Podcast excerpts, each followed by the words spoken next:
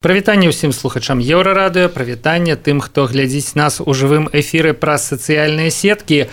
Гэта стартапніца сумесны проект еўрарадыё і сайта бел кропка біз пра дзёрзскіх беларускіх прадпрымальнікаў і смелых інвестараў якія давяраюць ім свае грошы. Юлія няхай рэдактарка бел кропка біз у нашай студыі. Прывітання Юлія. Привет. І наша сённяшняя гостця гэта Ірына дубовік. Прывітанне Ірына. Прывітанне. Вельмі ізноў жа шмат рэгалій можна знайсці пра Ірыну. Гэта праца у вялікіх карпорацыях гэта а, тое што Ірына з'яўляецца сео проекта стартап он гэта тое што Ірына гэта дасведчаны маркетолог і спецыяліст у галіне развіцця бізнесу. Кім вы самі зараз сябе адчуваеце? Что галоўнае зараз? Э, на самом деле я себя считаю простым проектным менеджером. И фактически вот все что я делала в крупных корпорациях я и продолжаю делать э, только сейчас в своих проектах. И знаете вот эти названия там SEO там основатель это все очень громко на самом деле.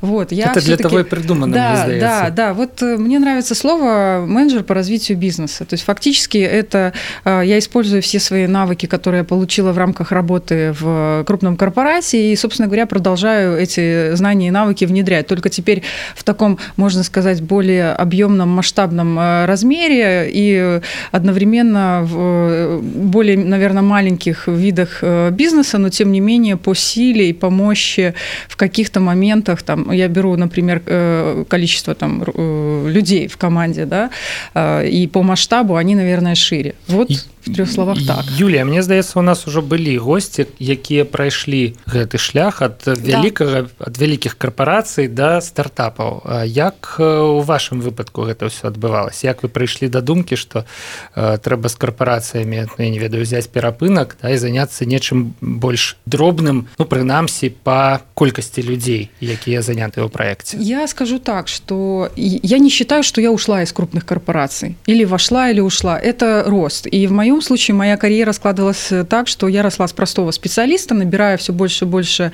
э, работы, э, поднималась по карьерной лестнице и так дошла до топа. В каких-то моментах можно упереться в потолок не потому, что там что-то в компании не так, а потому что понимаешь, что для роста нужно двигаться в другую сторону, в другую нишу, поэтому были с этим связаны переходы в другие компании. Поскольку я маркетолог, мне, и мне нравится внедрять такие инновационные проекты, зачастую Зачастую они очень смелые, очень много есть в моем портфолио таких вещей, которые звучали впервые в Беларуси, и хотелось, хочется делать всегда что-то такое нестандартное, с душой, с вызовом э, того, чего не делал никто, и где-то или говорили это невозможно. Поэтому в один прекрасный момент э, у меня случился, наверное, какой-то профессиональный личностный кризис. Думаю, ну а дальше что? Ну окей, корпорации поработали, все хорошо.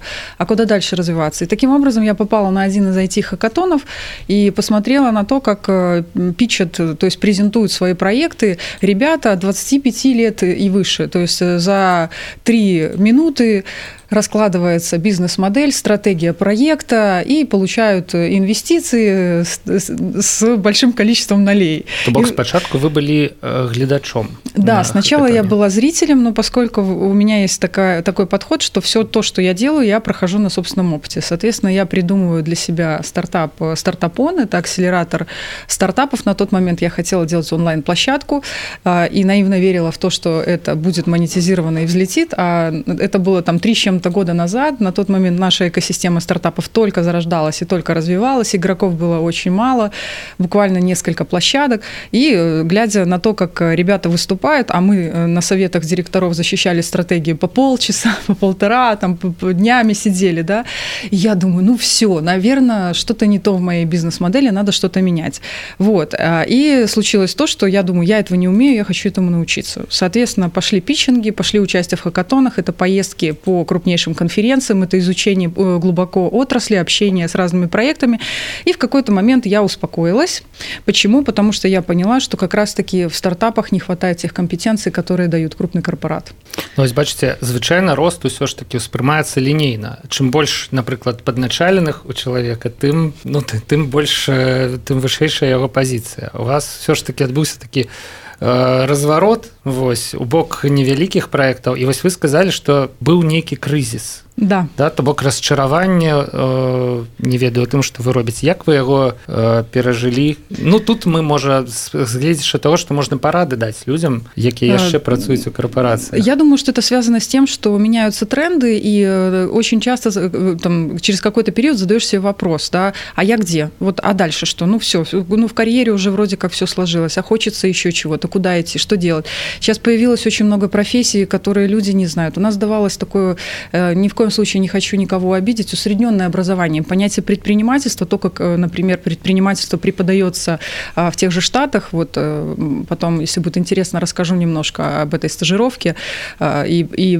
предпринимательство в программе включено, начиная с детского сада, соответственно, нам приходится начинать с нуля. И почему кризис? Потому что, ну, хочется делать что-то свое. У меня всегда были очень сильные собственники, руководители, первые лица, и, наверное, поэтому рано или поздно хочется пробовать, ну, если что-то нравится, не нравится, нужно пытаться или пробовать сделать свое. И, соответственно, э, э, это не уход во что-то там мелкое или еще что-то другое, это, опять-таки, проба себя в новом качестве, не найме, а работе на себя. И на самом деле э, начинаешь понимать собственника совсем по-другому, потому что риски, которые связаны, это не зарплата два раза на карточку, да, это нужно постоянно находить проекты, быть востребованным. И если у тебя раньше за спиной был, например, бренд, э, либо крупный, э, крупный корпорат, то сейчас ты становишься собой, и кроме экспертизы твоей, больше, собственно говоря, ну, э, похвастаться-то нечем. Вот, и это такой достаточно интересный вызов. Как я с этим справлялась? Ну, приобретала новые знания. У меня обычно так, если что-то для меня является проблемой, ставлю это в цель, иду учусь и ищу в этом смысле себя. И сейчас я считаю, что я в балансе, потому что так складывается, что все эти Э, корпоративные мои, э, скажем, те компании, в которых я работала, мы работаем до сих пор, работаем в разных э, направлениях, сотрудничаем и в проектах. Я привлекаю, если вижу, к себе на интенсив и так далее, поэтому не чувствую разрыва вообще абсолютно. Разница лишь только в том, это найм или ты становишься все-таки управляешь сам своим бизнесом, доходом и так далее. Только вот в этом. Атрымліваецца задавальненне ад рызыкі звязаныя з тым что цяпер за вами не стаіць э, нейкі ўласнік нейкі буйны капітал скорее свобода хотя свобода в этом смысле немножко то есть э, это тоже иллюзия в каком смысле то есть когда ты работаешь в корпорате ты подчиняешься какому-то руководителю когда ты работаешь на себя у тебя есть э, клиенты проекты и так далее и у тебя уже ну в каком-то смысле подчинение становится гораздо больше потому uh-huh. что от этого конкретно зависит твой твой доход репутация рекомендации много чего другого и риски уже несешь э, самостоятельно. Ну, так. вот. Вы сказали, что маркетинг э, у стартапах подобны э, до маркетинга у буйных корпораций. Хотелось крыху развить. Да? То бок, что вы, в принципе, занимаетесь тем же самым, только на іншым да, узроўні. Да. Давайте про гэта поговорим, бо мне здаецца гэта ну вельмі каштоўная думка у чым яны падобныя а у чым магчыма адрозніваюцца во-первых мне наверное сразу хочется вернуться к понятию маркетинга, потому что сегодня э, маркетингом, диджитализацией э, называют все что угодно. Да? Очень многие вещи, которые давно известны, приобрели новые названия, там, э, например, там, статистика, аналитика, бигдата. А где бигдата, бигдати, да, как шутят мои коллеги, которые реально занимаются большими данными, так и с маркетингом. Вот. Что я понимаю под маркетингом? Вообще мне посчастливилось работать в международных компаниях, и, как правило, маркетинговая структура состоит из трех направлений. Первое направление – это стратегическое, то есть это маркетинг высшего уровня, где э, собственники планируют э, стратегию на какой-то период, э, думают, что будет входить там в технологии, в развитие и так далее. А вторая ветка – это аналитический маркетинг, где находятся маркетологи, аналитики и исследователи. То есть исследуются статистические данные, дальше аналитики интерпретируют, а опять-таки снова это все в связке для того, чтобы а, дать нужные данные для разработки стратегии. В том числе сюда входят и различные там, опросы, исследования, работа с клиентом, а, анкетирование и так далее. И третье направление, оно, наверное, самое масштабное, самое распространенное, это операционный маркетинг, так называемое продвижение, где можно насчитать там, до 30 профессий на самом деле. И там уже есть еще поднаправление, то есть поднаправление ивентов, поднаправление пиар, поднаправление направление реклама, да, то есть под направление digital, под направление, если там в компании есть разработка мобильного приложения, то маркетолог, занимающийся мобильным приложением, будет в корне отличаться от маркетолога-продуктовика, да, то есть поэтому направлений очень много. И в чем есть схожести, в чем есть отличие, то есть зачастую есть отличие, наверное, больше немного в IT и в реальном секторе, потому что в реальном секторе часто есть такая легенда, маркетинг конкурирует с продажами. А, когда ты работаешь в высокотехнологичном каком-то проекте, это исключено, потому что от действий маркетинга зависит успех всего проекта. И я верю только в одно, когда маркетологи и продажи находятся в команде. И это мне близко, и это как раз-таки есть в стартапе. Когда есть 2, 3, 4, 5 человек, э, это многозадачные специалисты с очень глубокой экспертизой, потому что нужно решение принимать очень быстро, нет времени на 100 согласований, нет времени на митинги, нет времени на а, там, э, допиливание, там, вот если там до идеала там презентация, если она хорошая, если этот материал рабочий, то э, ты берешь, идешь, э, работаешь, идешь к инвестору. Уч, учишься работать в любом месте. Вот есть компьютер, где сел, там, там и работаешь. А, с точки зрения еще похожести, да, то, что а, никто не отменял разработки инвестиционной, например, презентации, да, а инвестиционная презентация – это фактически мини-бизнес-план. Дальше из этой 10-слайдовой презентации готовятся э, инвестпланы, можно входить в различные технопарки. А перед этим ты делаешь короткий питчинг, презентацию своего проекта. И таким образом все то же самое делает и бизнес. Э, я провожу мастер-классы по бизнес-модели. Э, мы прорабатывали свои проекты внутри корпората таким образом, защищали их внутри корпорации.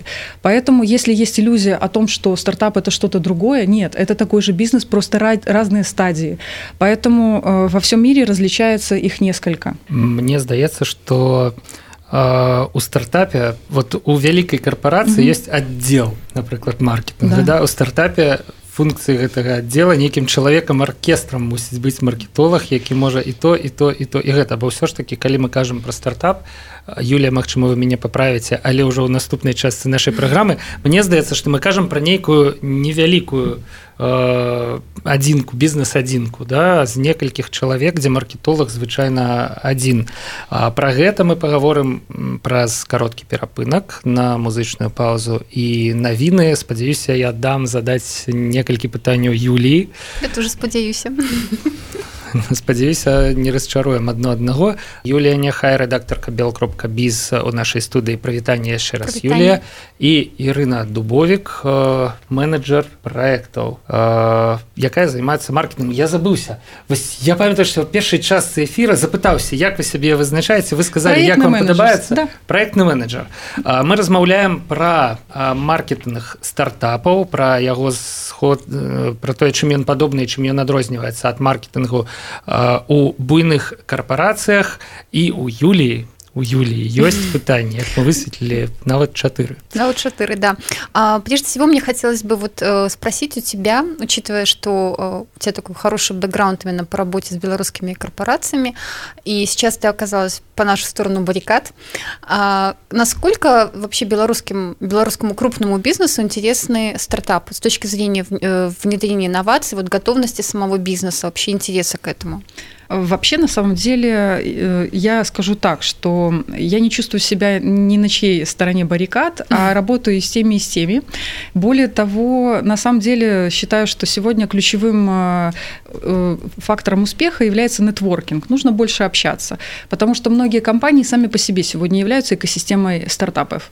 Я могу привести конкретный пример. Это компания Волком, это компания EPAM, где внутри есть и хакатоны, и конкурсы, и прокачка стартапов, и возможность развить свои свои проекты как э, предприниматели для а, сотрудников. В том числе э, многие проекты э, участвуют тоже в других хакатонах, на других площадках, где те же самые компании выступают спонсорами по разным там видам тем. Например, вот есть отрасль там банковская, соответственно, есть финтех хакатон в Имагуру. И многие корпорации на самом деле находят там для себя направления, которые могут быть интересны. Вопрос в том, что размах таких компаний, когда, например, они присутствуют там в 25 странах по миру, то и уровень стартапа, который может быть интегрирован внутрь такой компании, либо быть предложенным в виде стартапа, он должен быть достаточно высоким.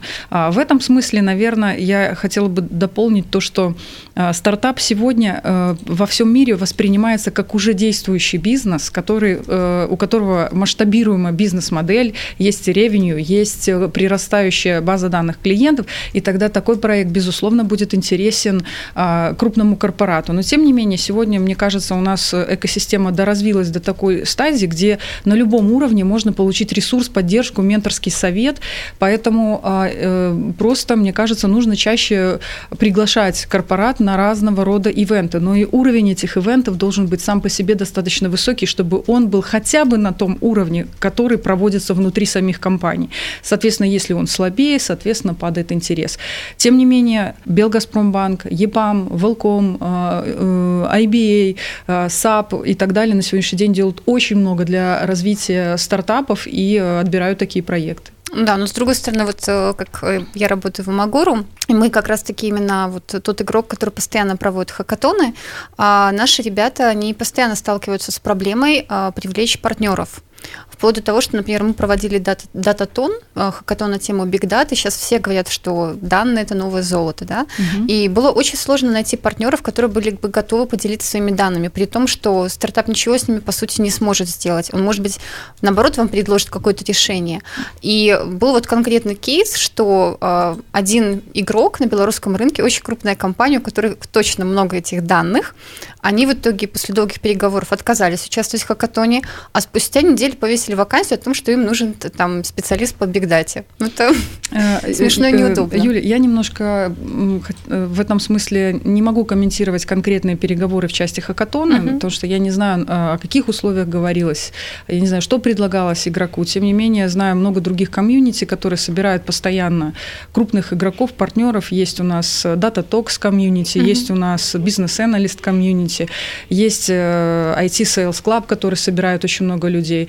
Площадка бизнес-инкубатор. У нас э, сегодня есть конкуренция уже между площадками, и переговоры с конкретным партнером, ну, в моем смысле, должны строиться на взаимовыгоде. Возможно, игрок не увидел э, ну, этой выгоды. Быть. Поэтому мне сложно сказать вот в части конкретного угу. какого-то ивента. А, и поскольку я работаю с разными стартапами, и в рамках своего интенсива, это в основном собственники проектов, бизнеса, либо новых направлений, ни разу не было такого, чтобы мы кому-то обратились, и нас кто-то не принял на консультацию или не помог экспертизой. А, это ЕПАМ, Макдональдс, э, Зубр, Зубр Капитал, э, бизнес-ангелы. То есть, э, не знаю, вот мне кажется, подход такой open mind и угу. сотрудничество и партнерство открывает очень много возможностей и дверей.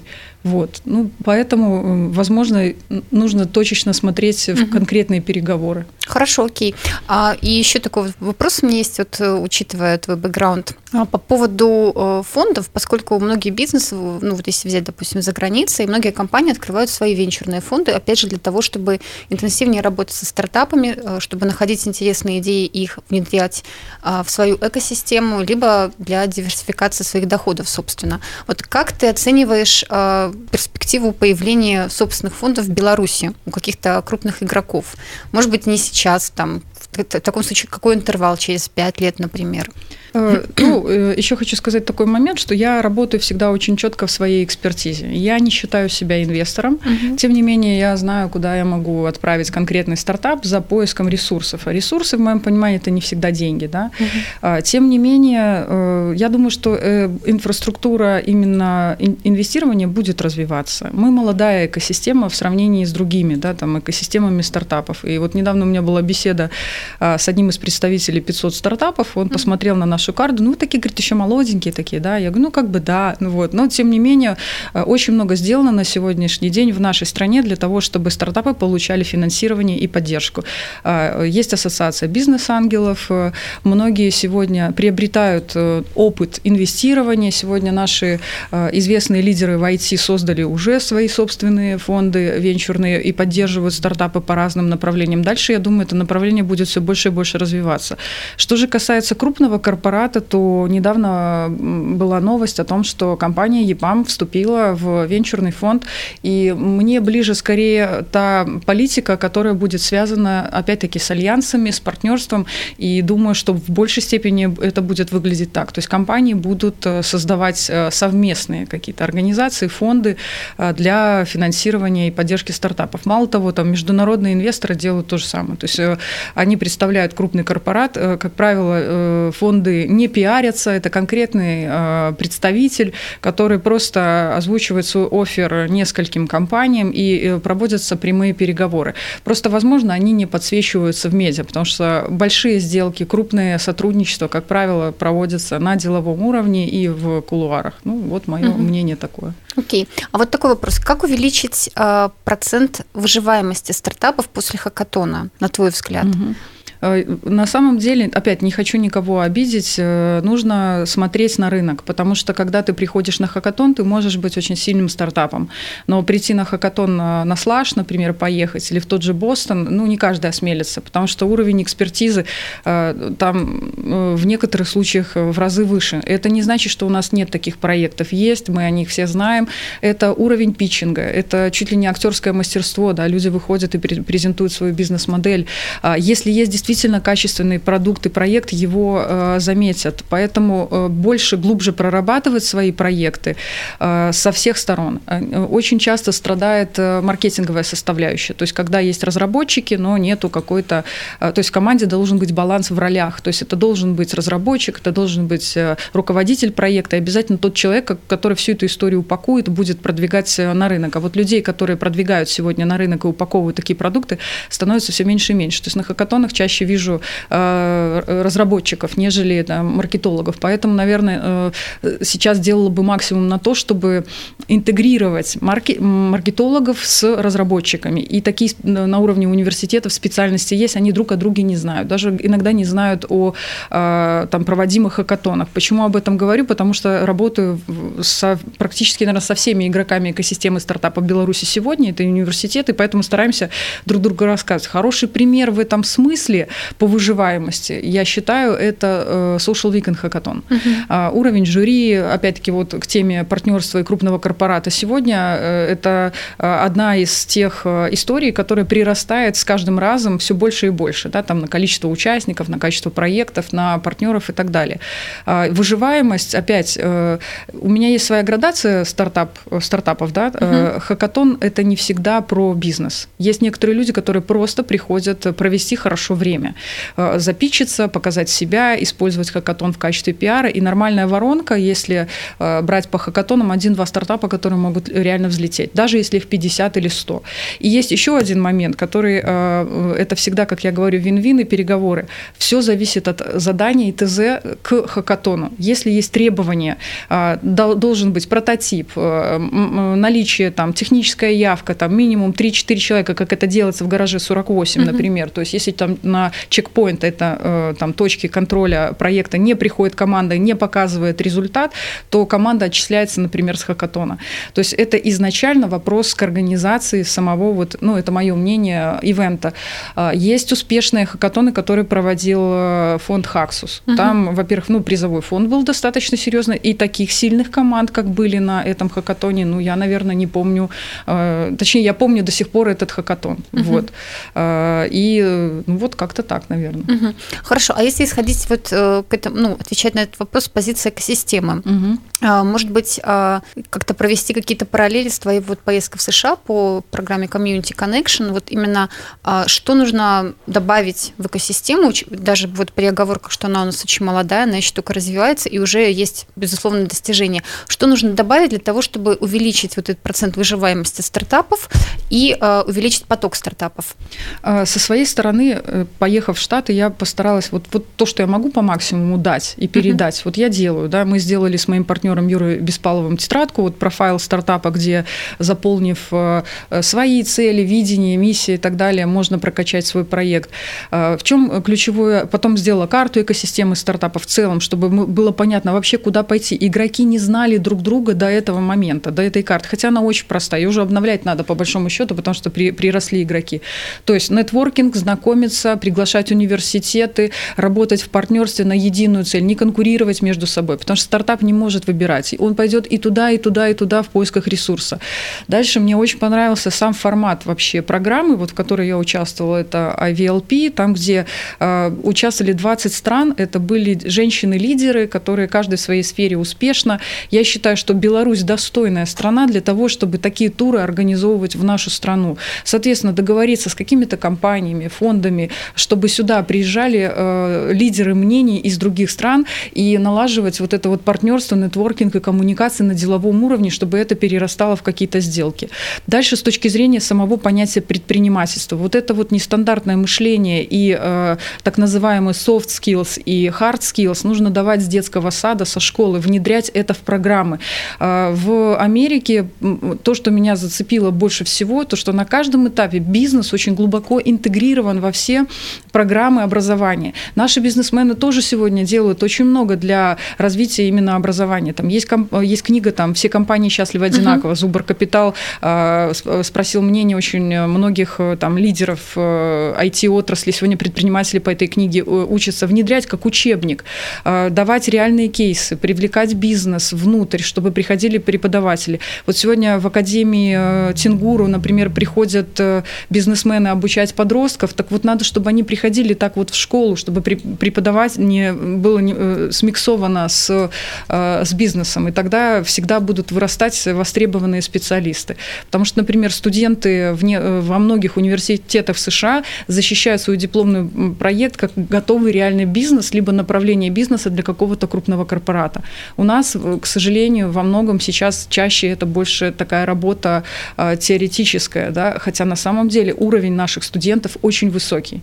Слухайте засталося у нас тры хвіліны і не магу не сказаць што у нас планавалася размова пра вузкія месцы праектаў з пазіцыі бізнесу да, важных і абсалютна будзе абгрунтавана калі мы астатнія тры хвіліны прысвяцім менавіта гэтаму пытанню что можна сказаць тут? это навыкі менеджер менеджерскія навыкі в большай степені і маркетинг то бок бізнес вось вы ўжо сказалі што распрацоўшчыкі збіраюцца на да, основном... да, то бок недооцэньваюцца на этапе прынамсі пачатку пачатковым да на этапе хакатонаў менеджерскія пазіцыі маркетынгавыя пазіцыі да. і гэтыя скілы недооцениваются При, да причина распада зачастую в стартапе вообще не, не связана бывает с бизнес-моделью это конфликт э, самих э, участников стартапа между собой не доразобрались не оформили документы например а если счастье как поделим если горе как разделим то есть на этом этапе бывает кто-то отваливается потом маркетинг это никогда я создал продукт а потом пошел его внедрять маркетинг это когда я разработал э, видение свое, посмотрел, взлетит, не взлетит, и тогда что-то начинаю делать. Зачастую некоторые начинают сразу же. Разработка, офис, Бентли, там зарплата, все такое. Вот, э, поэтому э, вот именно комплексный подход, системный, тот, который есть в бизнесе, вот этих скиллов не хватает. Это вот э, поэтому мы свой э, там интенсив для стартапов как раз-таки и строили по такому принципу, чтобы было личностное развитие и бизнесовые инструменты. Только бизнесовых инструментов недостаточно. Управленец это тоже, это, этому тоже надо учиться да, то есть нужно уметь управлять людьми, нужно готовиться к переговорам, нужно знать, как это делается, и этому можно научиться, нужно уметь презентовать себя, делать красивые презентации, каждый это может, нужно просто только этому научиться. Вот поэтому э, именно эти скиллы, как правило, самые такие проблемные и есть. Юлія, можем мы скончыць на гэтым нашу сённяшнюю стартапніцу, як звычайна праляцелі гэтыя хвіліны вельмі хутка і час развітвацца, таму скажу, яшчэ раз нагадаю, што Юлія Няхай рэдактарка Белбіз была ў студыі еўрарадыё Юлія да пабачэння і Ірына Дубовік праект менеджер спецыяліст Дарэчы мы не запыталіся абсалютна у вас пра ваш праект стартапон што ён робіць што там адбываецца ў ім да? Але зараз вось я пра яго згадаў. Я думаю што можна будзе паглядзець знайсці інфармацыю пра яго. Ён ёсць нягледзячы на тое што мы пра яго не размаўлялі. Ірына Дубовік была ў нашай студыі Дякую Ірына да пабачэння Дякую і всегда можна найти обратиться ну, на любом так, ивенте задать вопрос у фейсбуку в знайшоў да. за полторы хвіліны нават хутчэй. Павел свярдло працаваў пры мікрафоне. Пачуемся на еўрарадыо